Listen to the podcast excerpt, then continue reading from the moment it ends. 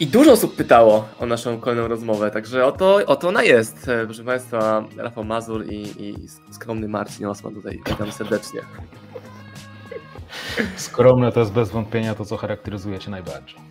E, Rafał, jak z tą skromnością jest? To jest fajna cecha, nieprzydatna cecha? Trzeba się jej odłuczać? Jak to jest z tym czajeniem się? Tak podpuszczam tutaj wujku, bo ja znam odpowiedź. Ale często się o to pytanie tutaj przywija. Często, często, często nie ma dla mnie jakiegoś szcz szczególnego znaczenia przy założeniu, że ktoś robi robotę. Są ludzie, którzy są skromni, a to jest w ogóle kwestia definicji, co znaczy być skromny. Tak naprawdę to chyba między innymi będzie dzisiejszy temat rozmowy, e, żeby mniej zwracać uwagę na jakieś etykiety, a bardziej zwracać uwagę na to, czy robimy wyniki. Więc jeżeli ktoś jest skromny, cokolwiek by to miało znaczyć akurat w jego przypadku, czy tam jej przypadku, e, ale robi robotę i robi wyniki zbliża się do tego, co chce osiągnąć, to ja nie mam z tym żadnego problemu. Natomiast my też, może nie tak często, ale widzimy ludzi, którzy zajmują się głównie hypowaniem siebie i są, wiesz, napuszeni jak pudle przed wystawą i nie robią wyników, ale mają sobie fantastyczne zdanie i wszyscy wiedzą, jak ogromny sukces odnieśli, chociaż tego sukcesu tak naprawdę nie ma. Więc E, nie szczególnie bym się zajmował tym, czy skromność. Ja na przykład jak w momencie, w którym pracuję ze sportowcami, to znaczy to, to, to, to jest prawie zawsze tak, że w nas gdzieś w środku jest jakiś rodzaj dwóch osobowości, gdzie z jednej strony my mamy jakiegoś rodzaju kompleks niższości, a z drugiej strony mamy poczucie wyższości. I tak naprawdę to tarcie między jednym i drugim często powoduje, że e, przesuwamy się do przodu, dlatego że chcemy być więksi niż jesteśmy teraz. A z drugiej strony, oczywiście, to poczucie e, pewnego rodzaju wyższości, czy pewności siebie i tak dalej, i tak dalej, i tak dalej, ułatwia nam e, wykonywanie zadań i podejmowanie wyzwań. Widziałeś takie dosyć mocno wiralowe wideo, gdzie dwóch zawodników jest na ringu i jeden e, przed rozpoczęciem walki skacze, robi salta w powietrzu, a drugi stoi, nie? Jest gong start, ten mu zasadza lufę, gościa nie ma. Tak, tak, tak. Tak, tak, tak. To jest jakby jedna strona tego równania, a druga strona, e, sporo osób podsyłało mi wywiad z Lewandowskim, który był chyba z dwa miechy temu, czy miesiąc temu publiczny i on mówił właśnie o kwestii skromności, że uważa, on tak mówi, że byłby dalej, gdyby był mniej skromny cokolwiek on przez tą skromność rozumie. On ma wyniki, to jest fakt, ale może tak właśnie marketingowo, karierowo, brandowo ta skromność w jego ocenie go oddaliła od takiego sukcesu może biznesowego jeszcze większego, czy, czy brandowego. Co o tym sądzisz? Bo ja widzę często ludzie, którzy mają mega talent, wyniki, są skromni i przez to przegrywają w świecie marketingu czy biznesu, czyli są na przykład biednym sportowcem. Sportowcem z medalami, ale sportowcem, tu nie ma pieniędzy no jest coś w tym. E, tylko, że wiesz, pytanie dla mnie jest nieco inne.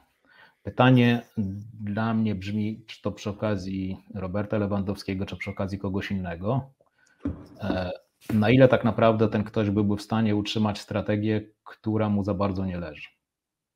To znaczy, na ile on na przykład byłby w stanie odnieść sukces, gdyby udawał kogoś, kim nie jest, i prawdopodobnie po jakimś czasie by dogonił swój PR-owy obraz, być może, ale być może wcale nie czułby się z tym dobrze. Więc no jest dzisiaj tak, że dzisiaj mamy właściwie wszystkiego za dużo. To chyba Zuckerberg z 10 lat temu powiedział, że tak na dobrą sprawę e, dzisiaj, czyli wtedy, e, praktycznie żaden nowy biznes nie jest potrzebny, co po części jest prawdą. Więc dzisiaj też mamy sytuację, w której uwaga jest tak rozproszona, że żeby ją przyciągnąć, trzeba robić często coraz bardziej ekstremalne rzeczy. Ale z drugiej strony jest też ta zasada długiego ogona, nie? czyli są jakby ludzie, których na przykład tego typu postawa może odrzucać.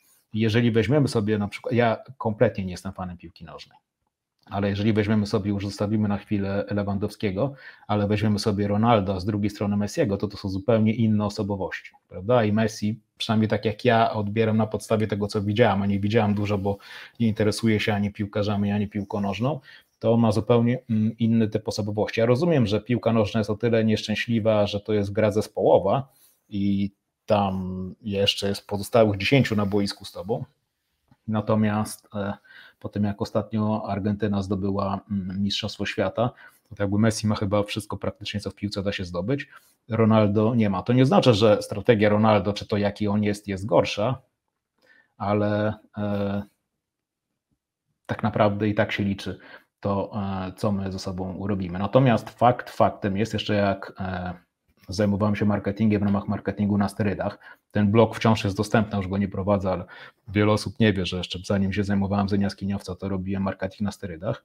To w momencie, w którym ja pracowałem z przedsiębiorcami, to faktycznie w momencie, w którym widziałem ludzi, którzy mieli szczególnie usługę, super, na przykład byli jakimiś super specjalistami w jakiejś dziedzinie, to e, przez to, że często byli introwertyczni i przez to, że często nie mieli takiej cudzysłów medialnej osobowości, w sensie nie potrafili wyjść i zrobić jakiegoś rodzaju show czy przyciągnąć uwagi. I wierzyli w to, być może dlatego, że to było dla nich wygodne, że dobra usługa sprzeda się sama i że tego nie trzeba promować. I to e, powodowało, że faktycznie e, były problemy z tym, żeby sprzedać, i bardzo często na rynku jest tak, że najlepiej zarabiający ludzie, na przykład w ramach jakiejś usługi, to są ci, którzy mają najlepsze umiejętności sprzedażowo-marketingowe, czytaj autopromocyjne, a nie ci, którzy mają najlepsze umiejętności albo najlepszą usługę. Tak to często wygląda, że to jakoś w jakiś sposób e, trzeba sprzedać. Natomiast ponieważ my dzisiaj mamy ogromny rynek i właściwie przy 8 miliardach, czy ile dzisiaj jest osób na świecie, e, e, ludzie mają różne preferencje, to część ludzi będzie wybierała również usługi.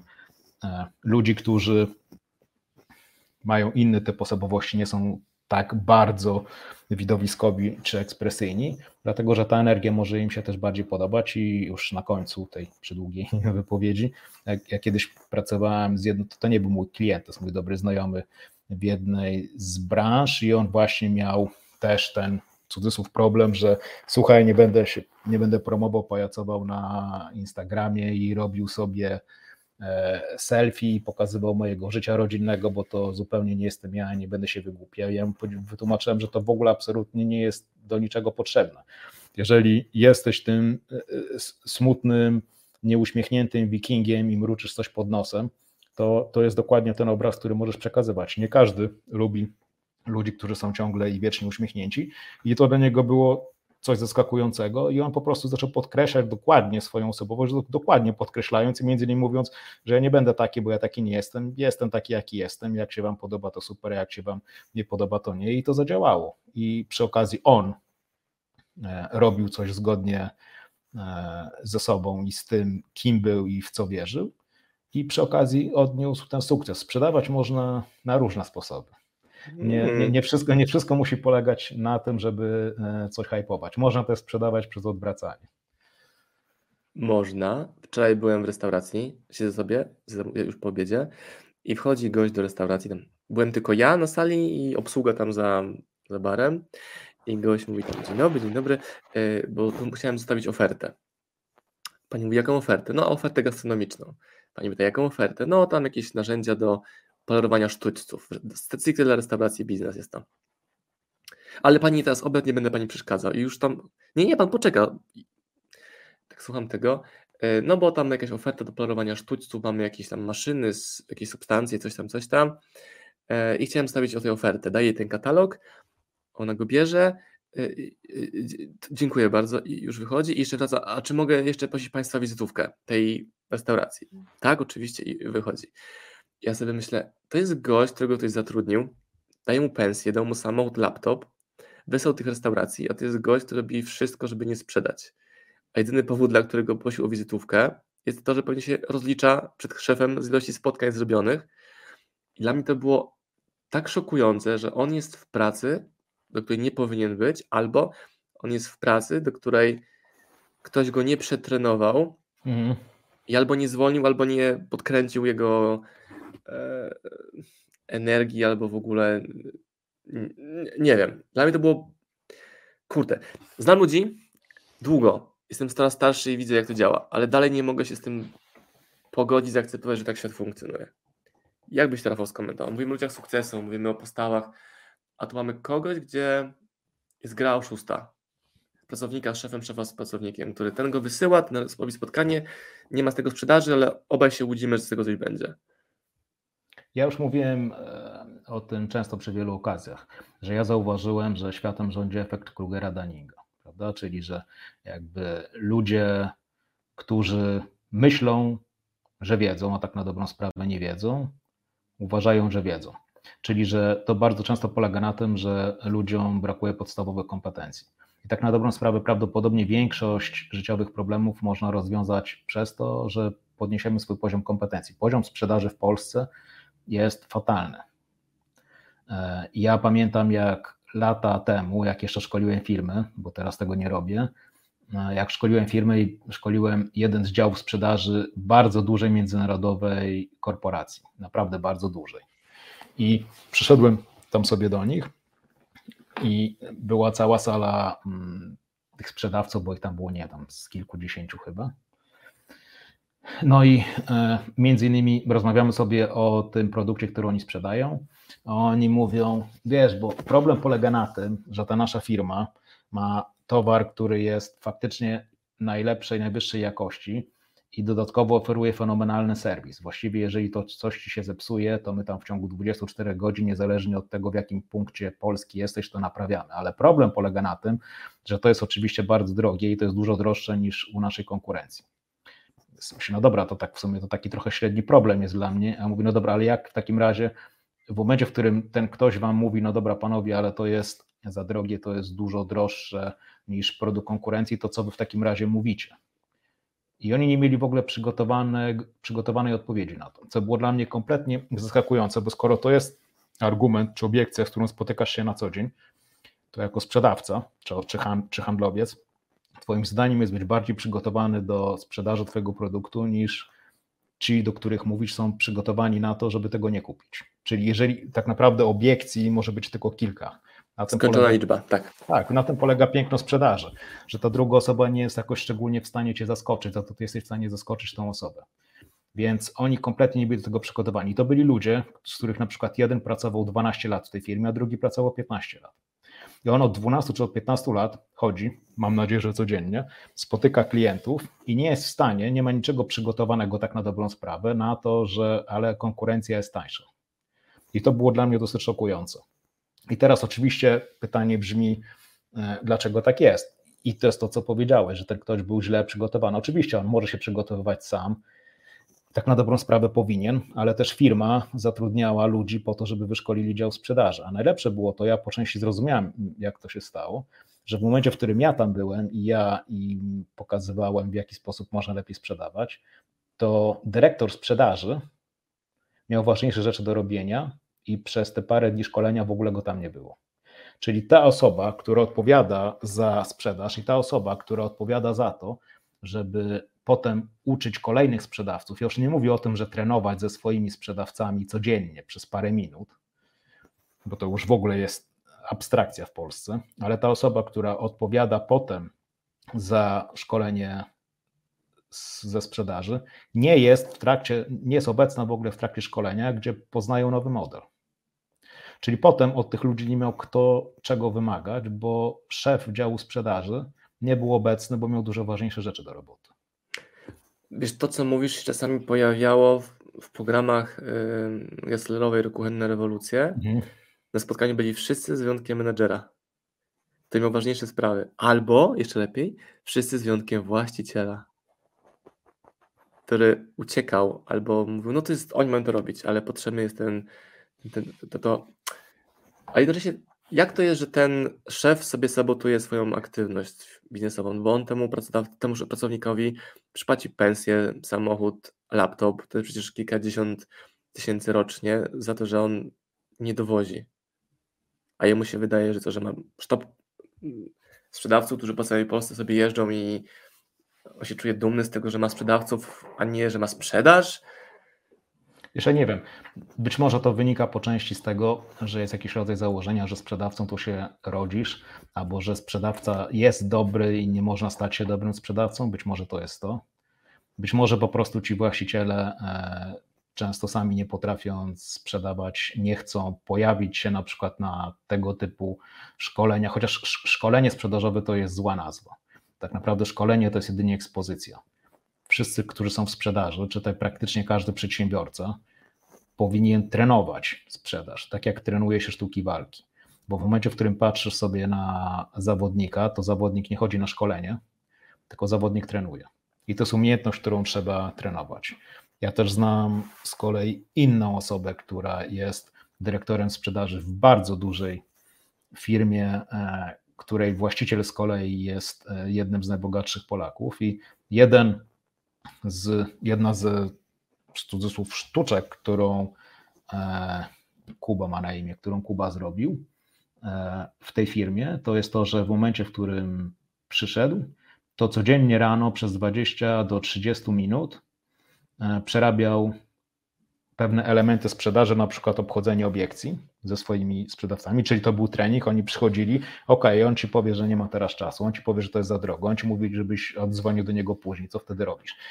I robił to przez jakieś trzy miesiące i sprzedaż, ja nie pamiętam, nie chcę teraz e, to było coś w stylu wzrost sprzedaży, znaczy zamkniętych sprzedaży był mniej więcej dwu czy trzykrotny, i potem on uznał, że no dobra, okej, to już mają. I przestał z nimi to powtarzać, i chyba po czterech czy sześciu tygodniach sprzedaż znowu zaczęła spadać, bo to jest coś, co trzeba trenować. To jest po prostu coś, co trzeba powtarzać, bo to inaczej wypada z głowy. I to też jest między innymi problem, że ludzie przychodzą na jakiegoś rodzaju szkolenie, niech to będzie weekendowe, 4-5-dniowe, wszystko jedno, i uznają, że to już jest zrobione. To jest tylko ekspozycja. W tym momencie tak na dobrą sprawę to jest, tak jak w tym moim podcaście, gdzie Ari Gold powiedział, że to, że przeczytałeś Biblię nie znaczy, że możesz zostać papieżem.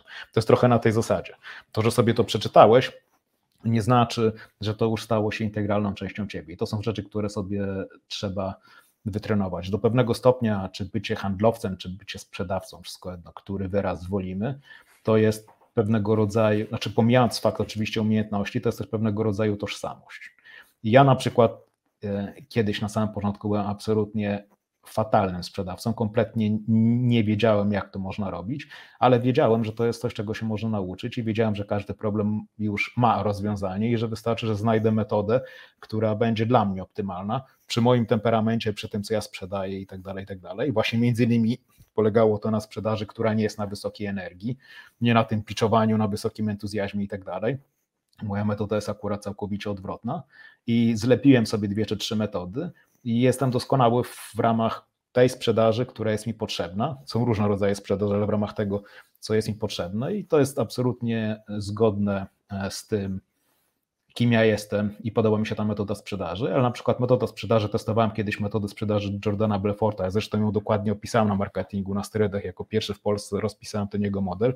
Jego model mi na przykład nie pasował, ze względu na to, że ja mam inną osobowość zupełnie niż Belfort. Ja nie jestem tak ekspresyjny i nie jestem w ten sposób ekstrawertyczny jak on i nie lubi jechać na takim entuzjazmie, mnie to męczy. Dlatego na przykład jego metoda sprzedaży, która jest bardzo dobra, kompletnie nie pasowała mi.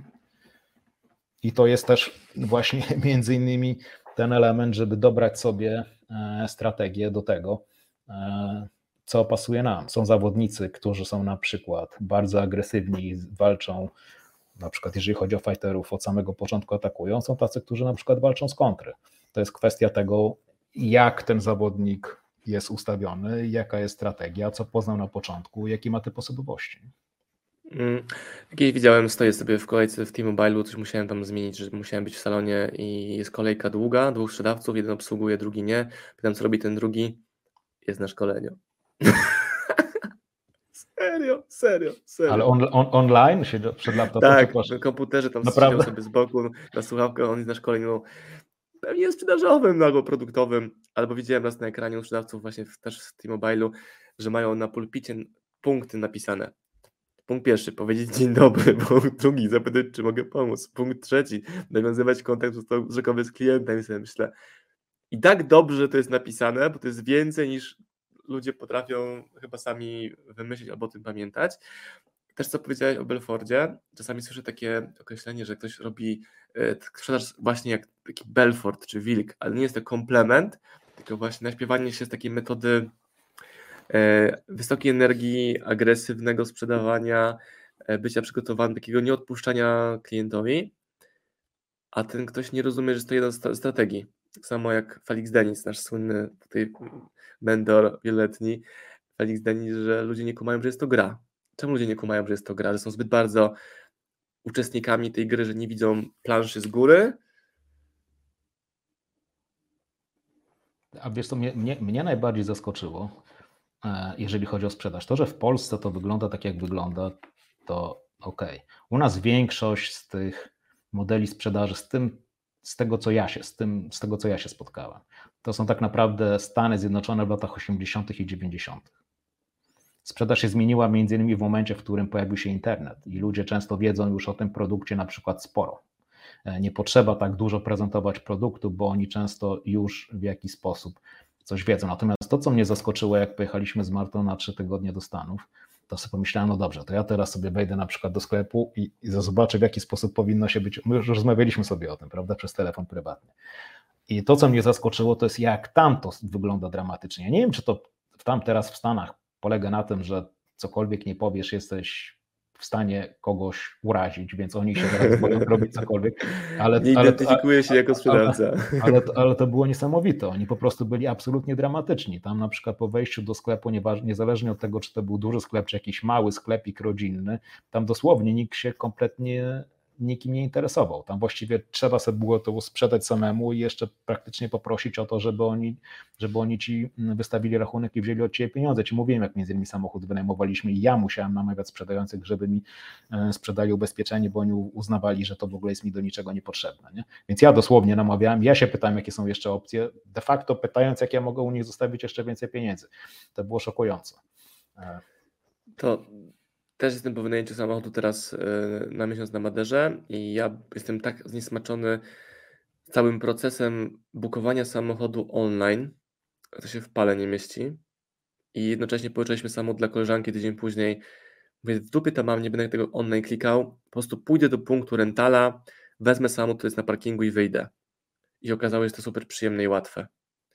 A jacyś eksperci od marketingu on, online'owego tak skomplikowali proces zabukowania samochodu.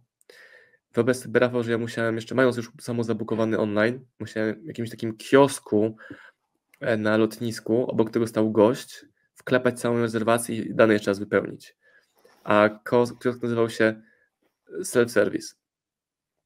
Tylko, że po tym self-service idziesz do pana w okienku, który cię pytał te same rzeczy. Tak.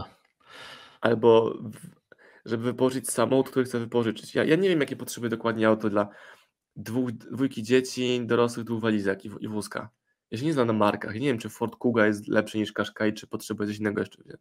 Czemu jest to trudne? Bo ktoś tak to skomplikował, że czarują, czarują i w końcu trzymasz kciuki, żeby trafić coś fajnego. A chcesz zapłacić więcej, tylko nie czujesz, że płacisz za to, co chcesz zapłacić więcej.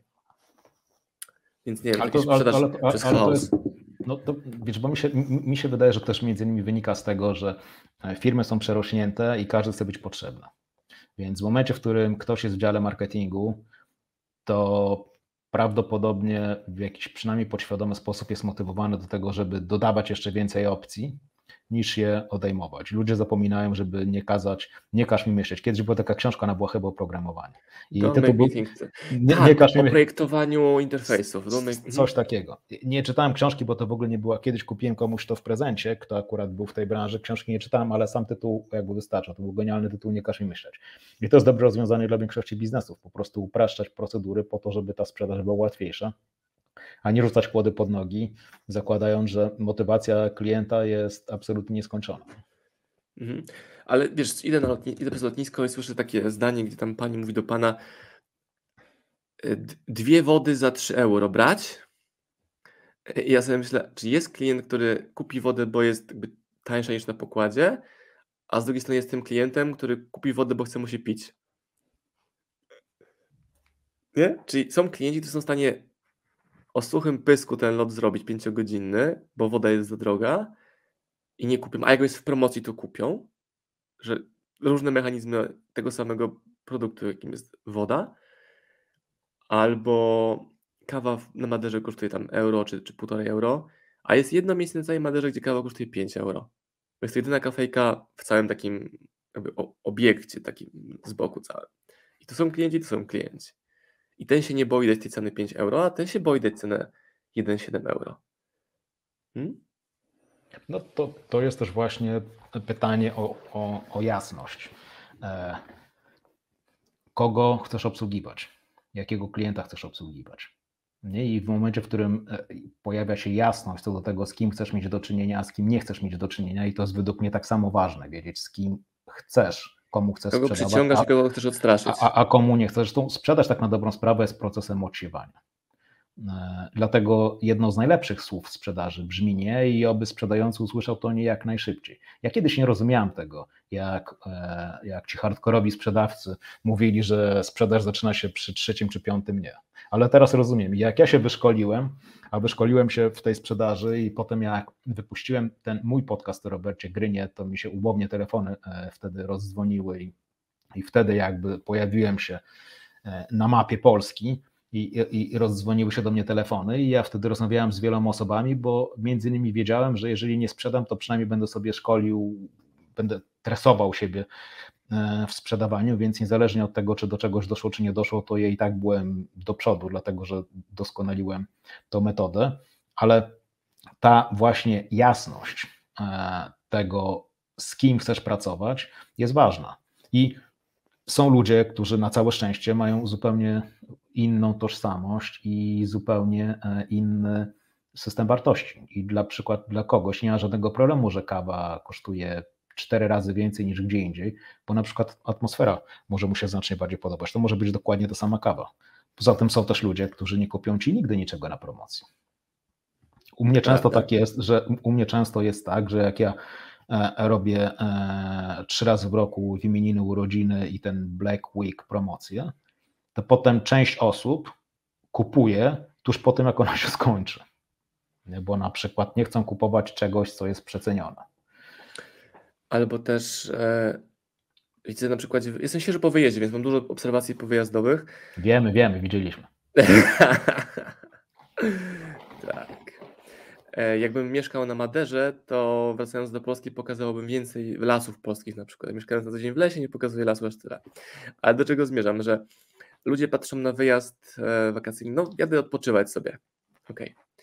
Ale jak my do tego dokładamy jeszcze warstwę biznesową, jadę odpoczywać i spotkam się z przedsiębiorcami, albo jadę na wakacje i wynajmę duży dom, do którego zaproszę sobie znajomych przedsiębiorców z rodziną i tam zawsze jest warstwa biznesu i warstwa pieniędzy, które się wygenerują z tego samego spotkania, to ten koszt wyjazdu jest zerowy.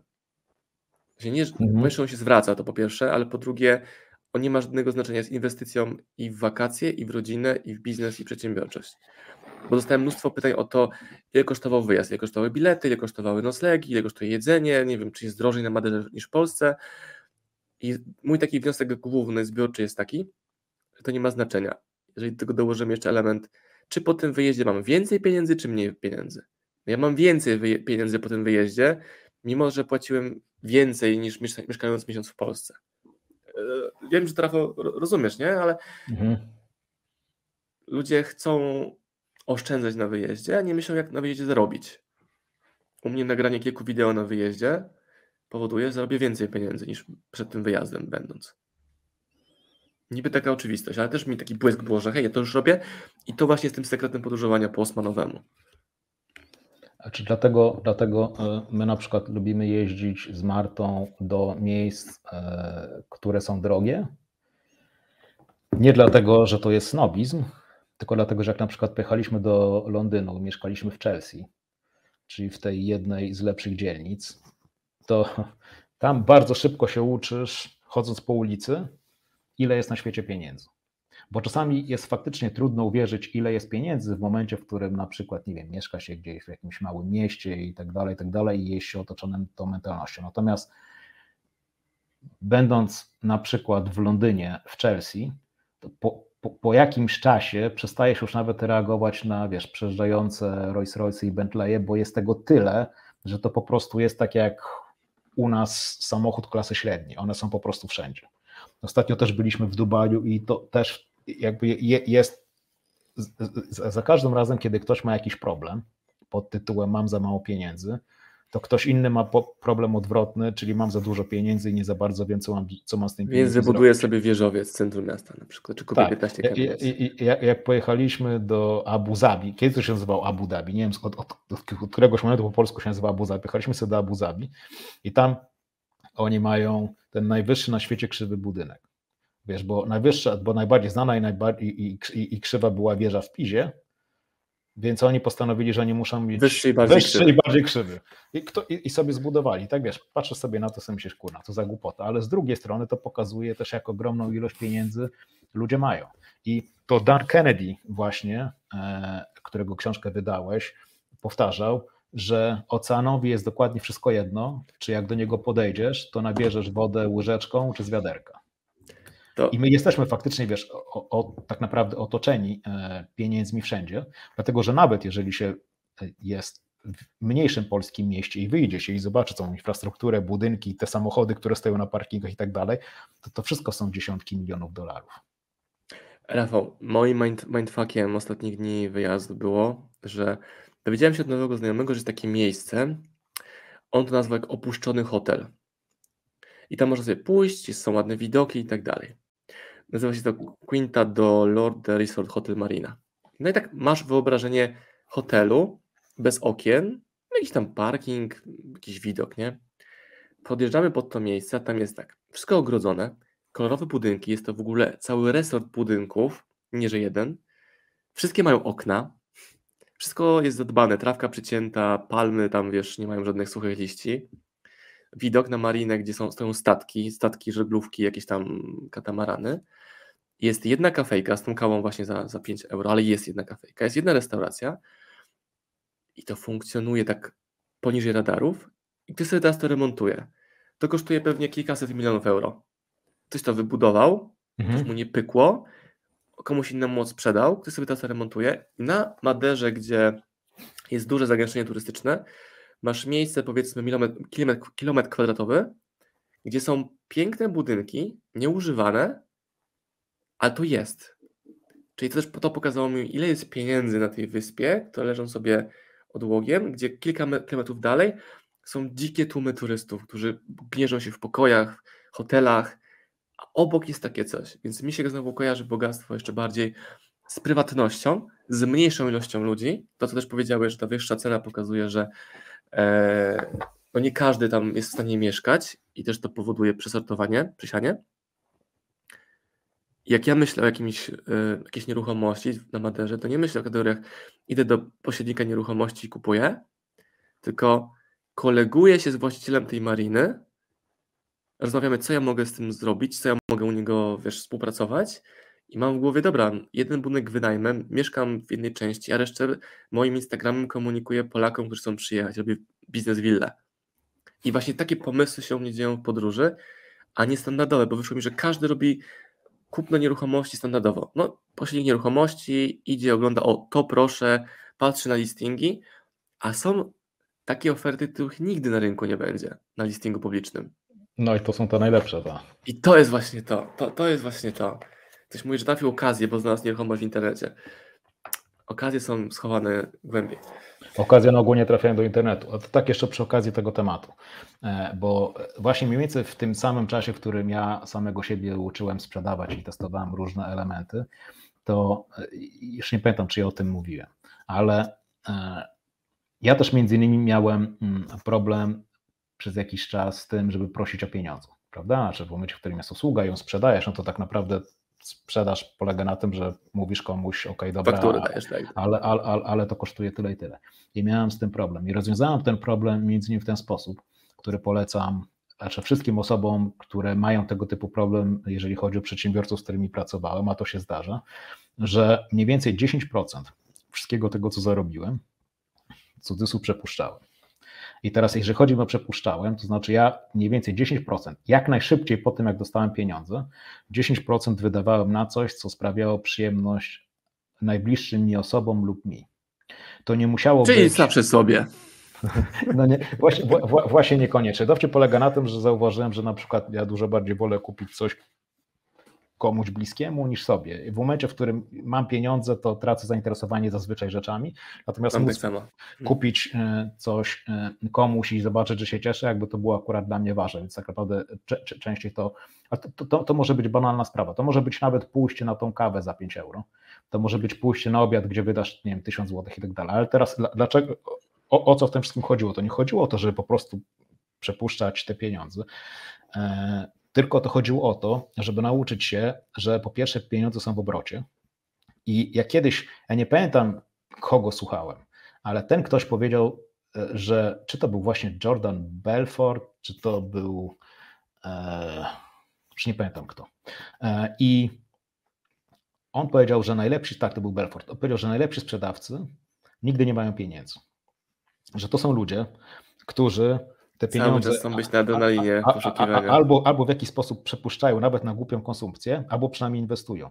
I to miało sens, jeszcze zacząłem zastanawiać, jak to jest, i faktycznie to jest w ten sposób, że w momencie, w którym e, na przykład, kiedy wydajemy 10% tego, co zrobiliśmy, to po pierwsze uczymy się wprowadzać pieniądze w obrót, uczymy się, że pieniądze ciągle krążą i im my łatwiej zostawiamy pieniądze u kogoś, tym łatwiej potem jest nam nas poprosić o to, żeby e, ktoś je zostawił u nas. I łatwiej jest na przykład sprzedać swoje szkolenie za 5000 zł, w momencie, w którym się trzy dni wcześniej wydało na czyjeś szkolenie 5000 dolarów, niż, niż sprzedać swoje szkolenie za 5000 zł, nawet za 500 zł, w momencie, w którym wszystkie szkolenia ściągało się za darmo z internetu i tak dalej, bo kombinowało. I miało się cały dysk, giga, hekta, hektolitro, gigo, gigo, coś tam. e, Na, I, na i, I to mnie między innymi chodziło mi o to, żeby wytresować tą część mózgu, która miała obawę przed pieniędzmi, e, do tego, żeby zobaczyć, że pieniądze mają wartość tylko wtedy, kiedy są w obrocie i że pieniądze ciągle są gdzieś w obrocie. I że w momencie, w którym ja przyjdę i gdzieś je zostawię, to ktoś może przyjść i zostawić je u mnie. I tak naprawdę e, to jest ten rodzaj przepływu i to zadziałało i to faktycznie działa fantastycznie. To ja miałem ciekawą sytuację. Odzywa się do mnie gość, który chciał mi coś sprzedać. Ja to kupiłem, będzie z tego fajny temat. I on przeprasza mnie, że już mnie na Instagramie nie ogląda.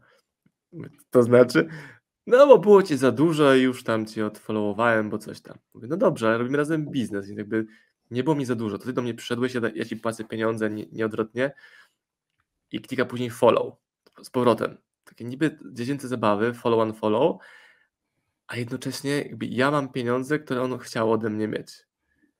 I nie był w stanie mm, być w relacji, wiesz, lepszej, długoterminowej, bazującej na marketingu internetowym, tylko go uderzało to na przykład, że jest zbyt dużo treści ode mnie.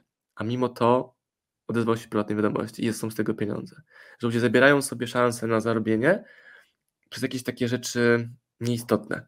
A odfollowuję go, bo mi się nie podoba. Ale kurczę, ale on ma moich klientów na przykład, więc jakby dziwne rzeczy. No dobra. No ale wiesz, przydałyby się jakieś narzędzia. Może jakieś przywracacze postawy, nie wiem, pomoc w biznesie, sprzedaży, może jakiś high performance, sport performance, a może jakieś nasze wspólne narzędzia, które ludziom pomogą. Co by to mogło być, Rafał? No jest, jest pewien pomysł. Jakiś czas temu niejaki Marcin Osman zaproponował mi, żeby wypuścić coś, co będzie pomagało e, ludziom pamiętać o tym, co najważniejsze.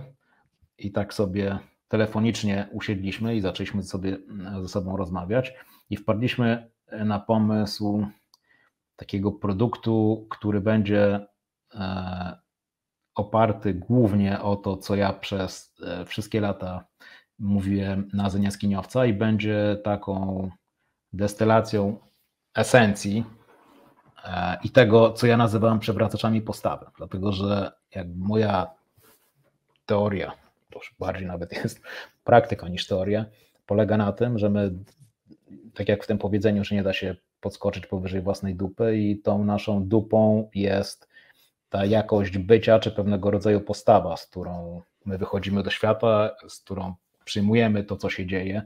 Taki własny I- mindset, to rozumiesz przez postawę? Tak, to jest, to jest mindset, ale to jest też jednocześnie e, tożsamość. To jest przede wszystkim e, pamiętanie o tym, e, co chcesz osiągnąć i nie, nie rozpraszanie się rzeczami, które nie są w tym momencie najważniejsze. Ale ta postawa oczywiście, ponieważ w większości, u większości osób, na pewno tak było w moim przypadku, to jest coś, co właśnie tak jak w przypadku sprzedaży, wymaga trenowania i wymaga powtarzania, a nie tylko ekspozycji. Czyli posłuchanie podcastu jest super. Ja bardzo lubię, jak ludzie słuchają moje podcasty, natomiast znacznie bardziej wolę, kiedy e, te podcasty wchodzą głębiej do układu nerwowego i pewne elementy z tych podcastów stają się taką e, nieświadomą kompetencją, czyli ludzie nawet nie muszą myśleć e, o tym, o, o jakiejś tam powiedzmy czy teorii, czy pewnego rodzaju założeniu, tylko to się staje ich wewnętrzną prawdą. I dlatego wpadliśmy sobie na taki pomysł, żeby e, stworzyć karty, które będą, które nazwaliśmy e, deklaracjami skuteczności. I to są karty, które składają się z cytatów, które pojawiły się na Zenia Skiniowca. I usiedliśmy sobie i się zastanawialiśmy, jakby to można było zrobić, e, żeby dostarczyć wartość do jak największej ilości osób. A ponieważ ludzie zajmują się różnymi elementami, niektórzy, niektórzy po prostu zajmują się sportem, inni zajmują się biznesem, ale wszyscy są ludźmi i potrzebują być bardziej skuteczni e, w ramach tego, co robią, niezależnie od tego, czy są na etacie, czy robią cokolwiek innego. I dlatego stworzyliśmy coś, co nazwaliśmy deklaracjami skuteczności, i to jest sześć talii kart, chociażby takie jak na przykład talia kart High Performance. Tutaj są elementy, tak, też mam Ciekawe biznes. tak synchro pokazywać. Jaka masz teraz? No jeszcze raz, dwa, trzy. A, to, czekaj, czekaj, czekaj, czekaj, czekaj. To, to się rozjechało. To, czekaj, to kolejną jeszcze zrobimy. Kolejną jaką to masz? jest sport, Znaczy, performance. Dobra, teraz na 3-4, dawaj no. Raz, dwa. Tak. Wiesz, wie, wszyscy mnie pytali, czy to będzie kolejna książka e, Rafała Mazura, bo kiedy podcast e, nasz wspólny wyszło nam, że nie. I stworzyliśmy e, karty, które są takimi skondensowanymi pigułami, takimi mocnymi strzałami. E, łatwiej e, digestible, byśmy powiedzieli, takimi przyswajalnymi. Łatwo, łatwostrawne, tak. No i to, to wygląda, wy, wygląda, wygląda w środku w ten sposób, że są karty. Musimy robić drugą wersję z dopasowaną fryzurą już teraz. No, Ale do- dopasować fryzurę do kart. I na przykład, prawda, tutaj mamy e, w talii pod tytułem sprzedaż, mamy na przykład cytat Stal, ostrzy stal. stal ostrzy stal, prawda? Ja Albo chciałem na mi takie przykład- zaproponow- zaproponować ćwiczenie, że wyciągnę teraz po karcie z talii i żebyśmy sobie o, o jednej karcie podyskutowali. Dobra? Dobra. To mam, mam pudełko czerwone, czyli kategoria biznes. O, ale mi się A- podoba. Nie wiem, czy wiesz, że jeszcze jest ukryta funkcja, którą odkryłem dzisiaj rano. Trzymanie, Bardzo- wiem, bardzo- podstawka pod coś. Byłeś blisko, nie podstawkę, dlatego że w dzisiejszym społeczeństwie, które tak bardzo stawia na wysokie osiągnięcia, to w momencie, w którym ktoś nie będzie chciał używać kart i sobie je wyjmie, to może sobie w pudełku trzymać swoje skręty z medycznej marihuany, które zostały przepisane na schorzenia, którego nie posiada i też będzie mieć z tego korzyść. Mamy karty- kolegę, który na przykład robi bluzy z ukrytą kieszonką tu- tutaj w, na ściągaczu. Tak? No. To jest pewne. Polecamy, po- polecamy produkty firmy Diamante oczywiście. Dobra. Wyciągnąłem pierwszą kartę i e, cytat, brzmi, cytat brzmi, co mierzone to zrobione i w jaki sposób Rafał ktoś może z tej karty skorzystać jako narzędzia. Czyli wstaje sobie rano, otwiera pudełko, wyciąga sobie kartę losową i ma takie coś. I jak on ma z tym pracować? Bo to być narzędzie do pracy. Mhm. Znaczy w- tym, w tym cytacie akurat chodzi o to, e, żeby w miarę możliwości, nie wszędzie się da, ale w miarę możliwości, jak to mawiają, matematyka jest językiem Boga, e, cyfry są dosyć obiektywne. Na przykład sukces w biznesie to nie jest do końca sprawiedliwe, ale sukces w biznesie bardzo często mierzymy tym, ile ktoś ma pieniędzy. Jest to logiczne, nie jest to prawdopodobnie jedyna miara sukcesu. Natomiast tutaj chodzi o to, żeby w miarę możliwości jak najbardziej obiektywnie oceniać swoje postępy, a najbardziej obiektywne będzie sprowadzenie tego do liczb albo do cyfr, chociażby tak jak w przypadku odchudzania. Jeżeli ktoś na przykład postanawia schudnąć, to super, że ten ktoś się fajnie czuje. Natomiast jeżeli celem kogoś jest zrzucić 20 kg, to można po prostu mierzyć, prawda, e, swoją wagę i widzieć, czy przesuwamy się we właściwym kierunku, i to będzie obiektywna ocena naszych postępów, znacznie bardziej obiektywna niż ocenianie tego na oko albo ocenianie tego poprzez wewnętrzne odczucia, które mamy w związku z tym, że podjęliśmy sobie jakiś cel. Dla mnie szokujące było, bo jestem takim amatorskim, zupełnie amatorskim biegaczem. Dla mnie było niesamowite zacząć biegać z zegarkiem, który wszystko mierzy. Wydawało mi a tam zegarek, coś tam, kurczę, każdy błąd widać każdy bieg za szybko, można idealnie wpasować sobie, wpisać sobie trening biegowy. Ja nie miałem pojęcia, że zegarek biegowy jest tak dużym game changerem. A mimo mhm. wszystko, a, a znam hasło, co mierzone, to robione. I to, jest na przykład, I to się odnosi na przykład i do ciebie, i do twojego trenera, prawda? Dlatego, że on ma w tym momencie dane, które są w miarę obiektywne. Jeżeli on te dane, cyfry połączy, wszystko, tak. połączy z twoimi odczuciami, no to wtedy ma pełniejszą mapę niż tylko wyłącznie e, bazowanie na Twoich odczuciach i na tym, jak Ty sobie subiektywnie ocenisz sytuację. Mhm. przywracacze postawy, czy takie brzoskwiniowe pudełko. O, chyba najmocniejszy Twój cytat. Wybierz swoje przejebane. To jest bardzo kontrowersyjne, ale ekstremalnie z Tobą e, związane zdanie. Z Twoimi naukami. No, wybierz swoje przejebane polega na tym, że po pierwsze mamy wybór i a po drugie, to ja, ja o tym też mówiłem między innymi w przypadku chociażby odchudzania albo zarabiania pieniędzy. Owszem, odchudzanie jest procesem, który jest przejebany i trzeba z wielu rzeczy zrezygnować. Natomiast tak samo przejebane jest bycie grubym czy posiadanie nadwagi. Ja byłem gruby, wiem co to znaczy e, i wiem z jaką ceną się to między innymi wiąże, również zdrowotną, ale też takim obciążeniem mentalnym, przynajmniej dla mnie powiedzmy, że nie byłem wtedy najbardziej dumny z siebie i z tego, jak wyglądam.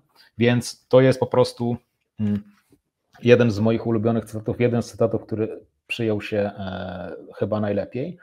I to jest fakt, że my za, za, za wszystko, co robimy i za wszystko, czego nie robimy, będziemy musieli płacić cenę. I płacimy cenę. My często nie widzimy tej ceny. Na przykład w momencie, w którym e, ktoś e, zarabia niech będzie 10 tysięcy złotych, a chce zarabiać 20 tysięcy złotych. Ale inaczej, chciałby zarabiać 20 tysięcy złotych, bo realnie niczego z tym nie robi. Pytanie brzmi, czy coś traci. No teoretycznie, jeżeli chciałby, ale nic nie robi, ale zarabia 10, no to nie traci, ale nieprawda, traci. Traci te wszystkie możliwości, które y, miałby, gdyby miał 20 tysięcy złotych. Czyli ten cytat po prostu mówi o tym, że po pierwsze mamy wybór, bo my zawsze mamy wybór, i po drugie zawsze przychodzi nam płacić jakąś cenę. Więc w tym momencie, niezależnie od tego, e, co robi i gdzie jest życiowa osoba, która nas słucha, e, płaci cenę za to, gdzie jest. I w momencie, w którym postanowi pójść gdzieś, na przykład w lepszym kierunku, również w gorszym kierunku, to też tą cenę będzie płacić. Ta cena jest zawsze, my zawsze musimy ponosić konsekwencje swoich wyborów.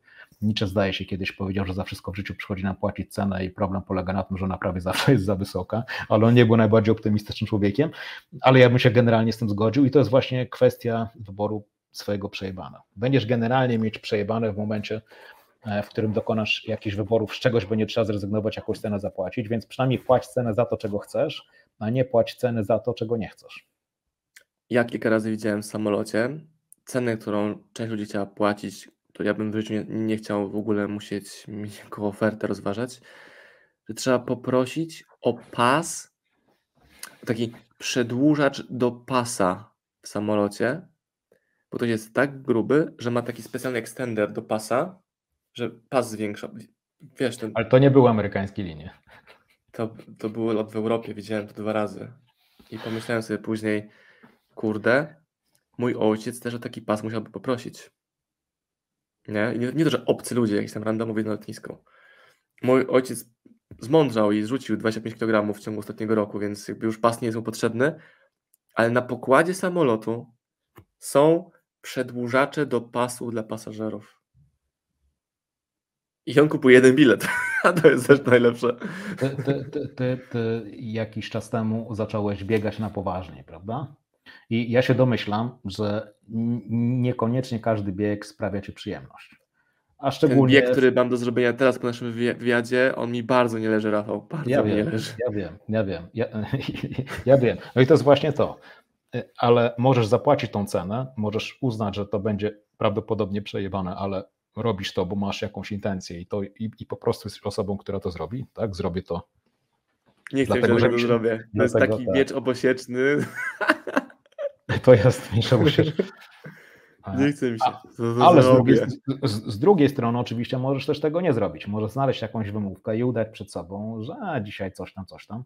Tylko, że wiesz w środku, że to po prostu było do zrobienia i nie będziesz się czuć z tym dobrze, a potem to się zacznie nawarstwiać. Ta jedna wymówka, ten jeden precedens może potem stać się zasadą i potem nagle się okaże, że będziesz w dużo gorszym miejscu, a potem, jeżeli wpadniesz na pomysł, że jednak znowu chcesz biegać, to znowu dojście do tego etapu, na którym jesteś, będzie ciebie wymagało kolejny raz pracy. To jest, to, jest właśnie stąd się wzięła e, nazwa zespołu Rolling Stones, czyli toczące się kamienie, prawda? Od, od tego ich brytyjskiego powiedzenia, że toczący się kamień nie porasta mchem.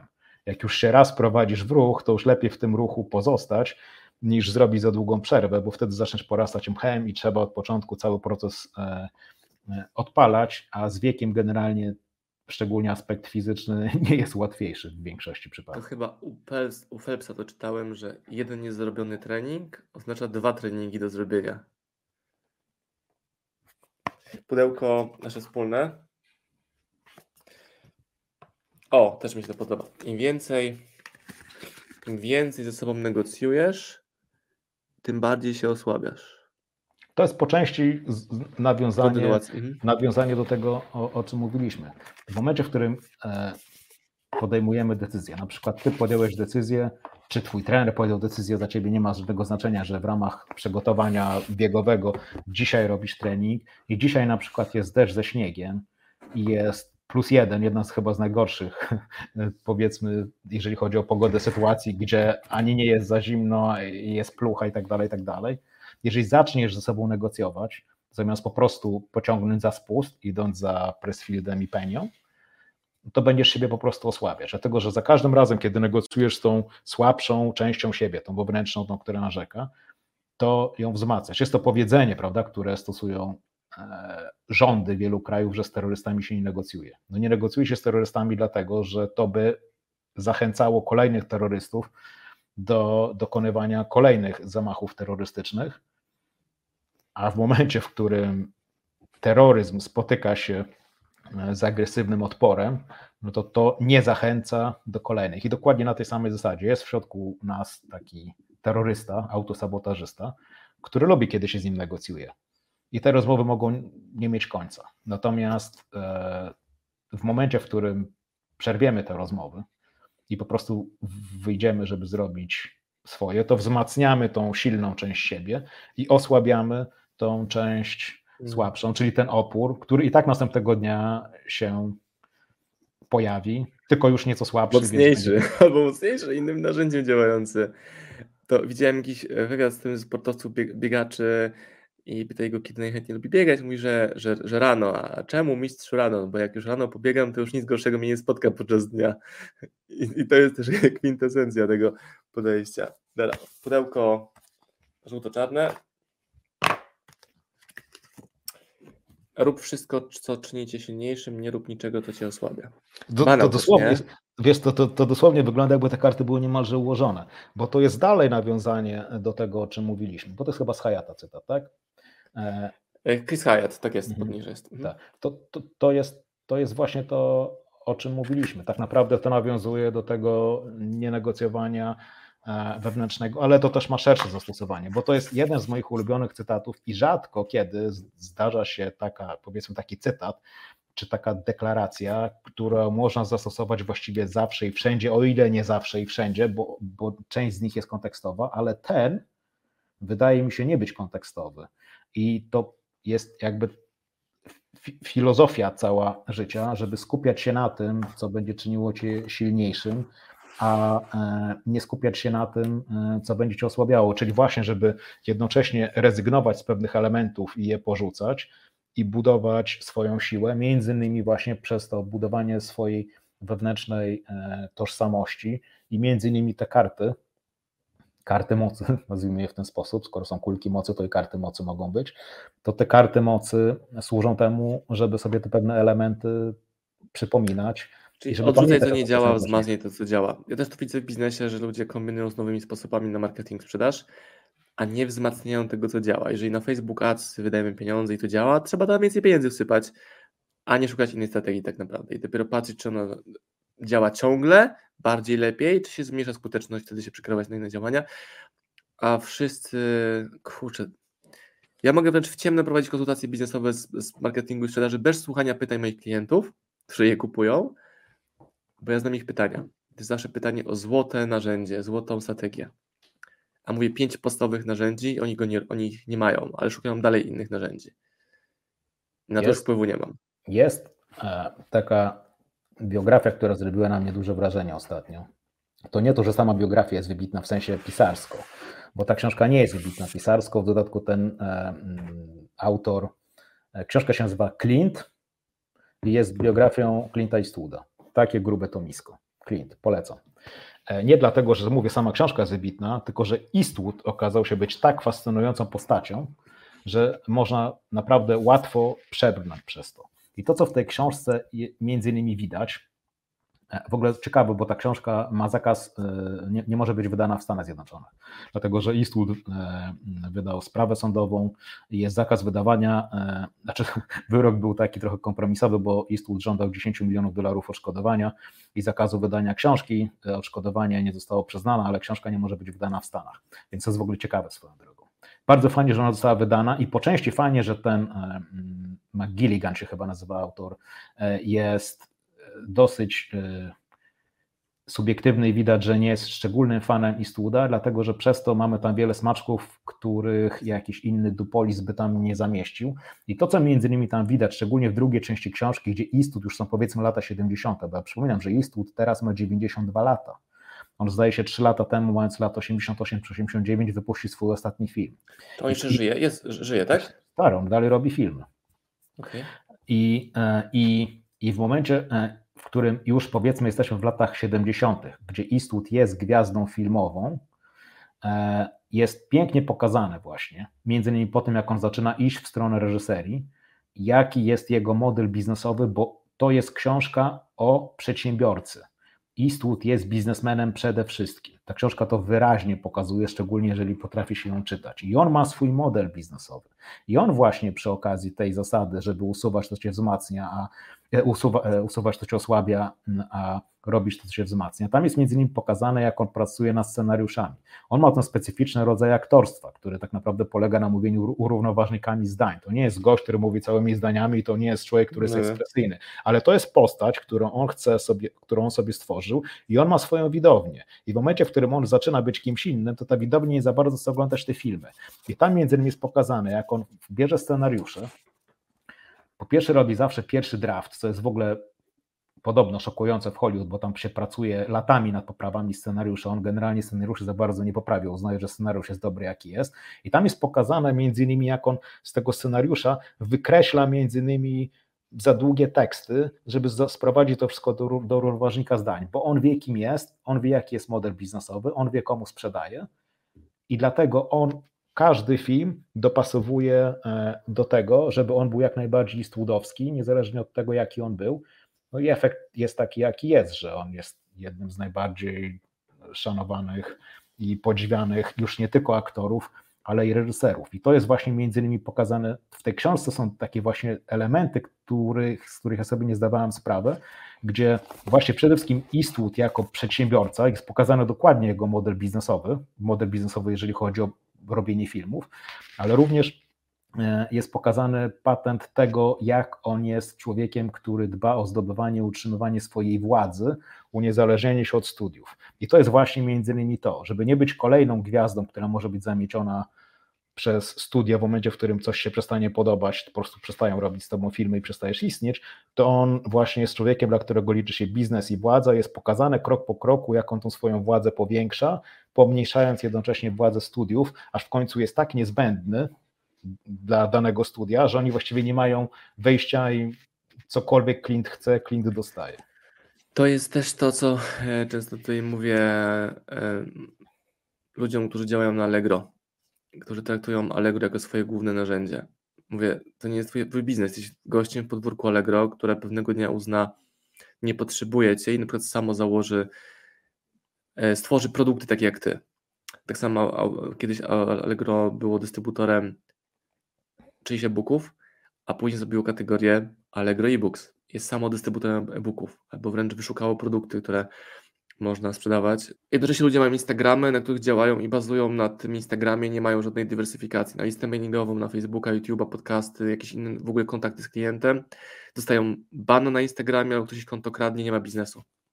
Zgadza tak bardzo uzależnili się od tego pana, który karmił, a jednak pan mówi nie, więcej, nie ma e, klientów dla ciebie, bo ich zabieramy, więc mi się bardzo podoba ten case i daj sobie po tą książkę sięgnę. Warto, warto. Szczególnie, że wiesz, jest taka zasada, którą ja też, yy, taka rodzaj intelektualnej gry, czy intelektualnej yy, symulacji, gdzie zastanawiasz się, w jaki sposób samego siebie możesz wyrzucić z biznesu. Co by się stało, gdyby. Mm. A, a, co jeżeli, a co jeżeli od jutra nie będzie internetu? Nie? O, to jest pytanie, jakie zadałem sobie w marcu roku 20 i też zadałem sobie pytanie, co jak w ogóle kuriery przestaną istnieć. Dostawa od domu do domu, było odwrotnie, że jeszcze bardziej kuriersko się rozwinęło wszystko, ale podczas tych dwóch tygodni takiego zmiana, zmiany świata też wybraliśmy dobrą strategię. No właśnie, albo zadaję pytanie mojej żonie, ona mi, co będzie, gdyby ciebie nie było, czy ja poradzę ten biznes bez ciebie. I to są też pytania, których często żony sobie w ogóle nie zadają czy jak mąż zniknie, często będący głównym dostawcą kapitału, czy ja ten biznes pociągnę. I jest wiele przykładów, gdzie panie czy panowie sobie nie poradzili. Są już przykłady, gdzie właśnie wtedy te żony tak eksplodowały właśnie tak, tak, tak. sukcesem mhm. biznesowym, że w końcu mąż im nie wzrost, przeszkadza. Wzrost się... pourazowy, tak. Bardzo fajny termin. Jak najbardziej. Czyli no, no, życie w, ciągłym, w ciągłej zmianie. Coś, co jest faktem, ale wiele osób w ogóle w to nie wierzy, że życie jest zmianą. Też kolejny banał. Tak, tak to wygląda. Mamy tutaj dragi dla sportowców, legal drugs. E, trzeba rozpocząć od uświadomienia sobie, że się tam już dotarło. Richard Bach. Mhm.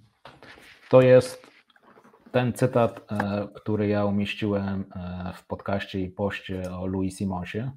To zresztą jest książka, którą Louis Simons polecał. To jest dosyć nieoczekiwane, że Louis Simons, który zmarł nie tak dawno temu, e, czytał tą książkę, ale on tak naprawdę do pewnego stopnia był przy okazji filozofem, co jest charakterystyczne dla najlepszych trenerów, że oni są mhm. dosłownie filozofami. E, I to jest ta sytuacja, która między innymi pomaga pozbawić się dużej ilości stresu i ona pomaga użyć jednego z najpotężniejszych narzędzi, które posiadamy, a które jednocześnie jest fatalnie przez większość z nas w trybie domyślnym użytkowane, czyli naszej wyobraźni, czyli większość z nas używa swojej wyobraźni po to, by w sposób absolutnie niekonstruktywny wbijać się w ziemię. My teraz na przykład mówiliśmy o tym, co, co by się stało, gdyby nie było internetu, w jaki sposób mogę samego siebie wysadzić z biznesu. To nie polega na tym, żeby poczuć się źle, tylko po to, żeby przygotować się e, na to, co ewentualnie może nadejść, prawdopodobnie nie nadejdzie, więc w tym sensie to jest pozytywne myślenie, dlatego że szykujesz się na różnego rodzaju opcje. Natomiast to, o czym my mówimy, to jest nie tylko w kontekście sportu, ale zostańmy na chwilę przy sporcie, to jest zobaczenie, wejście, że tak powiem, na linię czasu, przesunięcie się do przodu jakiś czas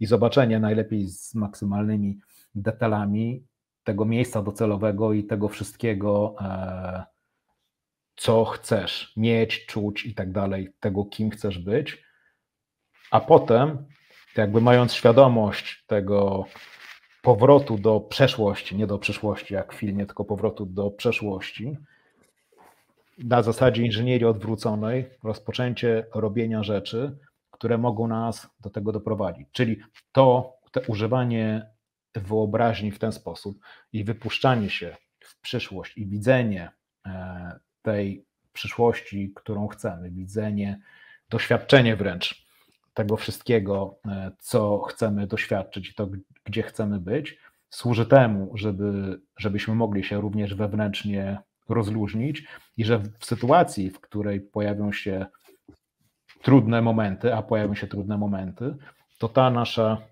wizja to jest to, co też Pressfield, pamiętasz, w jednej z książek mówił, nie, to było chyba e, właśnie pociągnie za spust do roboty, że moją filozofią jest to, że zawsze coś jest w pudełku, prawda? Tam była taka opcja, że, że, że, że jakaś nauczycielka chyba improwizacji, czegoś nie pamiętam, właśnie mówiła, że wyobraź sobie pudełko, otwierasz i w pudełku zawsze coś jest. I to jest właśnie to. Musisz wiedzieć, że tam jest gdzieś ta przyszłość. I teraz, i teraz zróbmy sobie bardzo, bardzo, bardzo prosty e, patent. Załóżmy, załóżmy teoretycznie, że masz możliwość podróżowania w czasie i że możesz teraz zobaczyć dokładnie, gdzie będziesz mając na przykład lat 80.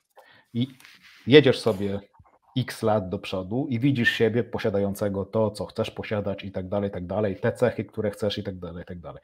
Załóżmy, że to jest faktycznie, że tak powiem, rzeczywistość. Dosłownie jesteś w stanie się tam przesunąć. Dosłownie jesteś w stanie zobaczyć. I teraz wracasz do tu i teraz. Po pierwsze, zaczynasz czuć pewien rodzaj, czy nawet radości, czy wdzięczności z powodu tego, że znowu jesteś dużo młodszy, prawda, o te na przykład 50 czy 40 lat.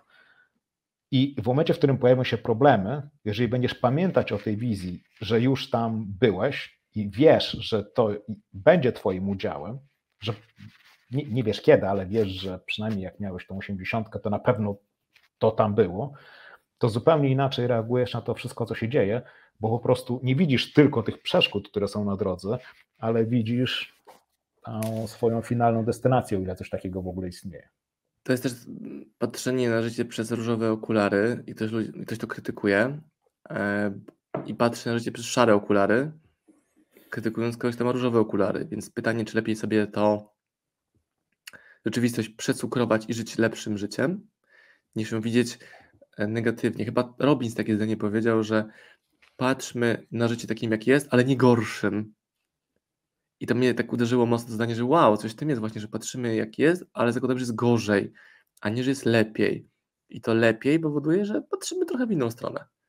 I dzieją się inne rzeczy, przyciągamy inne osoby wokół siebie. Czy wiesz, ja, ja, ja kiedy czytam taką koncepcję, która zrobiła na mnie duże wrażenie, a mianowicie jakiś, nie pamiętam co to było za książka, lata temu to było, e, jakiś naukowiec udowadniał, że my tak naprawdę rodzimy się z dwoma instynktami. Wszyscy, jeden to jest instynkt wiara, drugi to jest instynkt wyparcia. No bo w momencie, w którym w coś wierzysz, to przy okazji musisz wypierać pewne elementy, które są sprzeczne z tą wiarą, no bo inaczej dochodzi do dysonansu. Więc instynkt... Wierzę w dobrobyt, nie wierzę w kryzys. To znaczy, to, to, to, nawet nie chodzi o to, że ty nie wierzysz w kryzys, bo my wiemy, że kryzysy się pojawiają, tylko że na przykład nie wierzysz w to, że na przykład on może ciebie pogrążyć w sposób, z którego nie będziesz mógł wyjść, mhm. albo nawet jeżeli odpukać stanie się tak, że faktycznie noga się powinie, to i tak wierzysz, że ty i tak skończysz tam, gdzie chcesz skończyć. Więc jakby to jest ta sama, e, ta sama moneta o dwóch stronach. I według tego człowieka, ponieważ zwróć uwagę, że na przykład we wszystkich kulturach pierwotnych zawsze była taka czy inna wiara w Boga czy bogów i tak dalej, i tak dalej. Więc, więc on wyszedł, doszedł do wniosku, że po prostu to jest coś, co musi być w nas, pewnego rodzaju potrzeba wiary. I, I on z kolei jest taka teoria psychologiczna, nie mam pojęcia, czy jest prawdziwa, brzmi fajnie przynajmniej. I, i, to, i to, jest to, że e, oni twierdzą, ci ludzie, którzy wyznają tą teorię, że ludzie, którzy mają depresję, mówię takie prawdziwe kliniczne depresje, to są ludzie, u których cudzysłów zepsuł się instynkt wyparcia i oni zobaczyli świat takim, jaki jest naprawdę. Oni po mhm. prostu nie potrafią wypierać pewnych rzeczy. I oni tak jakby, trochę jak w Matrixie, zobaczyli ten Matrix, prawda?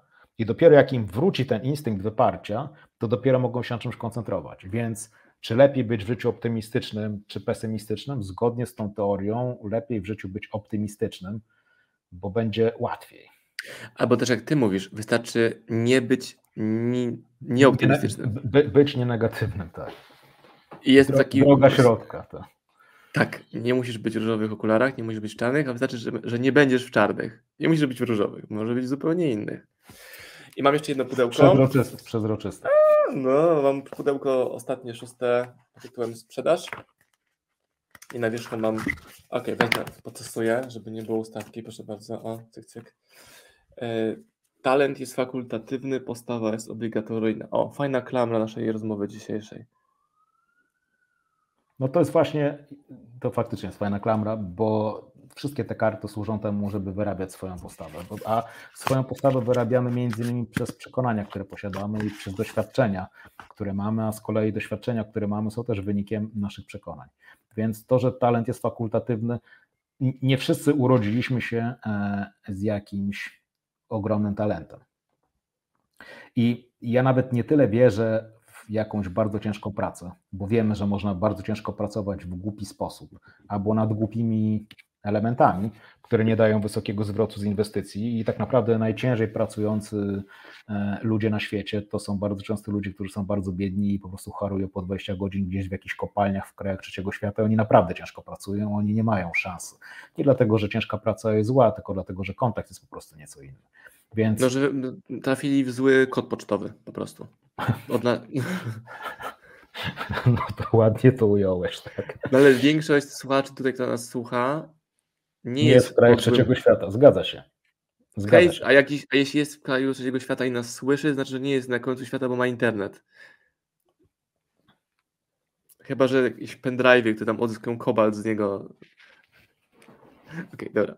Idziemy dalej. Więc, więc, więc to, że e, talent nie jest najważniejszy, a najważniejsza postawa, to jest, jeżeli jest coś takiego jak talent. Ja kiedyś nie za bardzo wierzyłem w talent, dzisiaj wierzę coraz bardziej. Akurat zaczynam cofać Powiedz, to jest ciekawe. Mhm, no, no. E, wiesz, bo to też myślę, że jest kwestia e, definicji tego, co my nazywamy talentem. Wydaje mi się, że talent to jest po prostu pewnego rodzaju zbiór pewnych predyspozycji i są ludzie, którzy mają e, do czegoś predyspozycje większe. Ja teraz skończyłem czytać książkę Murakamiego, o czym mówię, kiedy mówię o bieganiu. To jest książka. Co, co myślę, kiedy myślę. Czekaj, co o, myślę, o, co mówię, czym, kiedy myślę o bieganiu? Albo o, czym, o, o czym mówię, kiedy mówię o bieganiu? No, wiem, tak, o tej samej tak, książce myślimy, tak. Tak, tak. Fajna książka. E, I on tam między innymi wymienia, jeżeli chodzi, bo to jest pisarz, który przy okazji biega. I to biega tak hardkorowo, łącznie z tym, że robi ultra 100 km i tak dalej. Żaden talent biegacki, tylko po prostu ktoś to postanowił, troszkę inna mapa niż Pressfielda, kto postanowił między innymi walczyć z oporem, uznając, że, że im będzie silniejszy fizycznie, czytaj, będzie biegał, co, co akurat jest po części fizyczne, po części mentalne, e, że to będzie pomagało mu w wykonywaniu jego pracy, czyli według niego w momencie, w którym ktoś jest na przykład artystą albo ktoś tworzy coś, zajmuje się kreacją, to potrzebuje zadbać o swoją tężyznę fizyczną w ten sposób. Więc on tam między innymi mówi, że są trzy elementy, które według niego wpływają na to, żeby odnieść sukces jako pisarz. I pierwszy element to jest talent. Prawda? No wiemy, że jednym ludziom jest łatwiej pisać niż innym, ale to nie jest najważniejszy, to nie jest najważniejszy element. Na drugim miejscu u niego po prostu było skupienie, czyli koncentracja, czyli pamiętanie o tym, że jak masz pisać, to masz pisać. Czy to jest bezfieldowe, tak, tak, tak siadasz do dziewiątej do komputera. Zresztą on tam, jak on opisuje swój dzień, to on wygląda, początek dnia wygląda dokładnie jak Westfield, to jest zadziwiające, bo praktycznie tych wszystkich gości, którzy naprawdę wyrzucają z siebie książki i, i Murakami jest chyba najbardziej znanym japońskim pisarzem, przetłumaczonym na wiele języków. Wystarczy cię miliardy egzemplarzy. Mhm. Wystarczy cię przetłumaczył na angielski, to już tak naprawdę. tak, bo, hiszpański. Tak. Więc, więc to jest dokładnie ten sam tryb, który był u Pressfielda, co jest właśnie niesamowite, jak się czyta Pressfielda, jak się czyta Stephena Kinga, jak on pisze, czy Murakamiego, czyli wstaje rano i pierwsze kilka godzin to jest blok pisania. Nie, nie ma sobie, oni ćpają to samo, nie? Tak, oni ćpają to samo.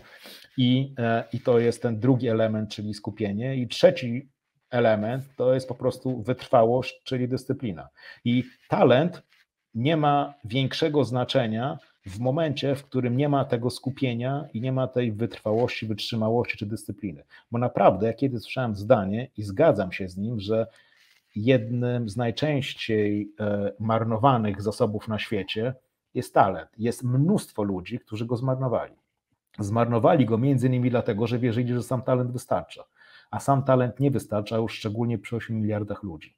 Dlatego, że tak jak mówiłeś wcześniej, w momencie, w którym coś się zdarzy i gówno wpadnie w wentylator, jeżeli ktoś nie ma umiejętności pozostania skupionym na celu i dyscypliny, czy wytrzymałości, żeby przetrwać i przejść przez ten kryzys, który nie wiadomo ile będzie trwał, to się rozpadnie na kawałki. Ja pamiętam kiedyś, lata temu, jak jeszcze trenowałem brazylijskie jiu-jitsu, to było lata temu i przychodzi taki chłopak, który faktycznie wydawał się być naturalnym talentem. To znaczy on przychodził tam, nie wiem, tam chodził tam parę miesięcy na to brazylijskie i on faktycznie jakby potrafił walczyć z chłopakami, sparować, którzy tam chodzili dwa czy trzy lata i on ich poddawał.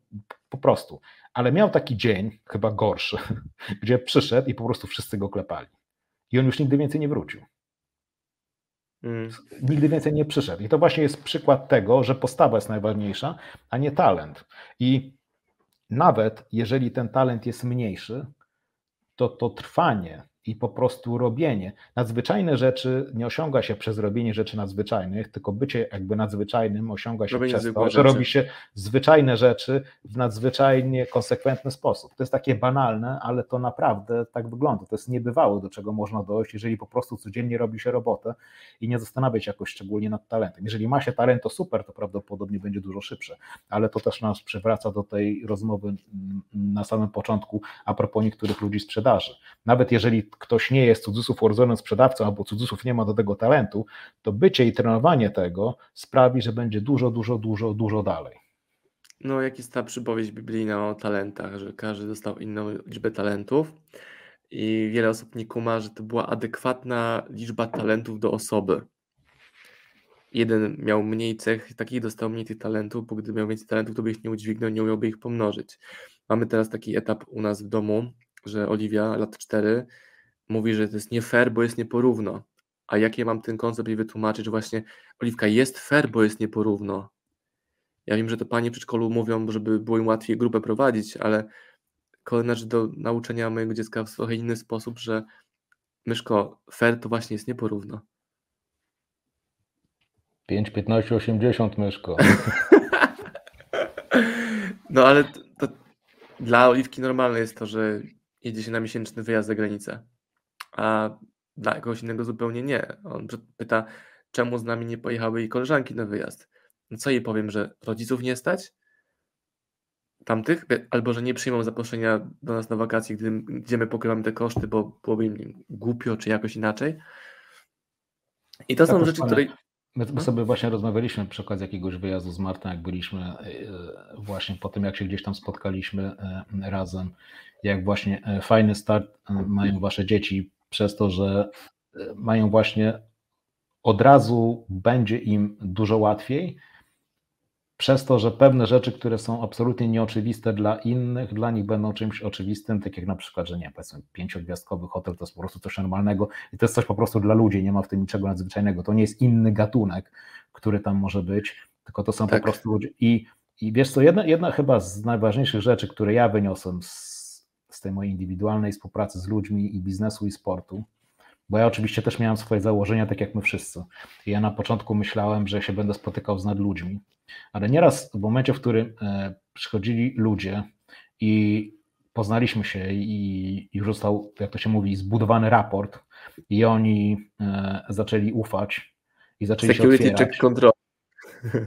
Zaczęli ufać i zaczęli się otwierać. otwierać no. A w momencie, w którym ja zobaczyłem, z jaką ilością stresu oni potrafią się mierzyć, ci, których w ogóle byśmy o to mm, nie podejrzewali. Ilu na przykład sportowców na wysokim poziomie ma zdiagnozowane, zostawmy na chwilę, czy to jest diagnoza poprawna, czy nie, ma zdiagnozowane jakiegoś takiego czy innego rodzaju lęki, czy neurozy i tak dalej, to faktycznie czasami widać, to jest zadziwiające i to naprawdę, wiesz, przywraca trochę pokorę, bo ja na początku myślałem, że ja to będę miał do czynienia z, wiesz, z psychopatią niemalże, nie? Ludzi, którzy nie mają lęków, nie mają wątpliwości, nie mają obaw, nie mają żadnego wyrzutu sumienia czy poczucia wstydu.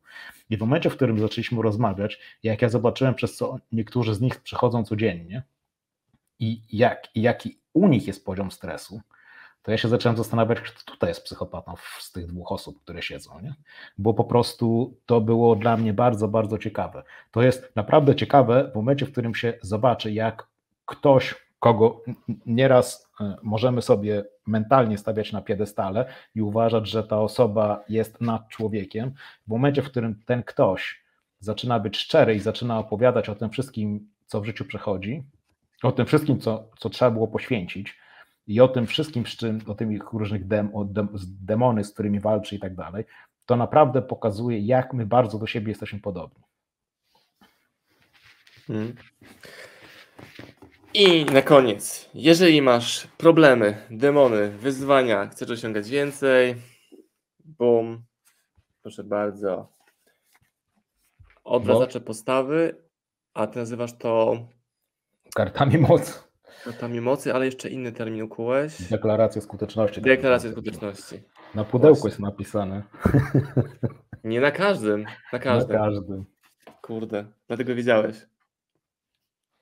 A ja nie, bo było w Ale, ale, ale to, co, to, co, to, co jest e, jeszcze dosyć ważne przy okazji tego, to, że wyszła, wyszło 500 sztuk przy, i 50 mówisz, że już poszło zanim to zostało wystawione. Sprzedałem do- spod lady na Instagramie, tak, tak, tak, bo to tylko zajawiłem, że nowy projekt z rafuszkiem, dawaj, mówię, nie powiem co, ile, kasa, przelew i, i poszło. To prawda, jest e, tam 450 kilka sztuk dostępnych jeszcze.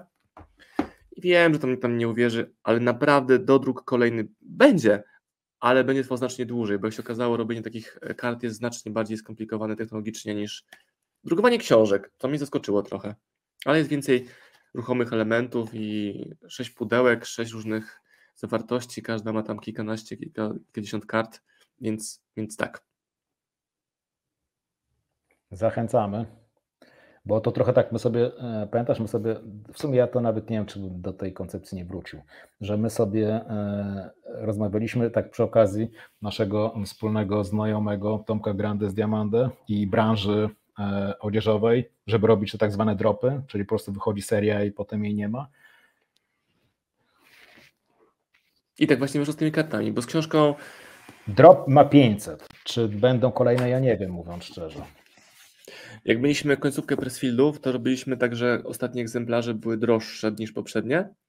I pamiętam, że ostatnie chyba 5 egzemplarzy poszło za ponad 300 zł każdy, a cena okładkowa początkowa tej książki, którą odkupiliśmy od innego wydawcy, była 39 zł. I ta książka leżała u niego w magazynie, się kurzyła. I kupiliśmy nakład, robiąc mu, e, zabierając mu problem z głowy, bo on tego nie potrafił przekazać, tak żeby ludzie dostrzegli w tej perełce właśnie to, że jest perłą. Także zapraszamy. E, Linki będą poniżej. Dzięki Rafał za rozmowę wokół. e, Dziękuję za rozmowę i dziękuję za wydanie, bo naprawdę to e, super wygląda. Jestem bardzo zadowolony i, I kontentny.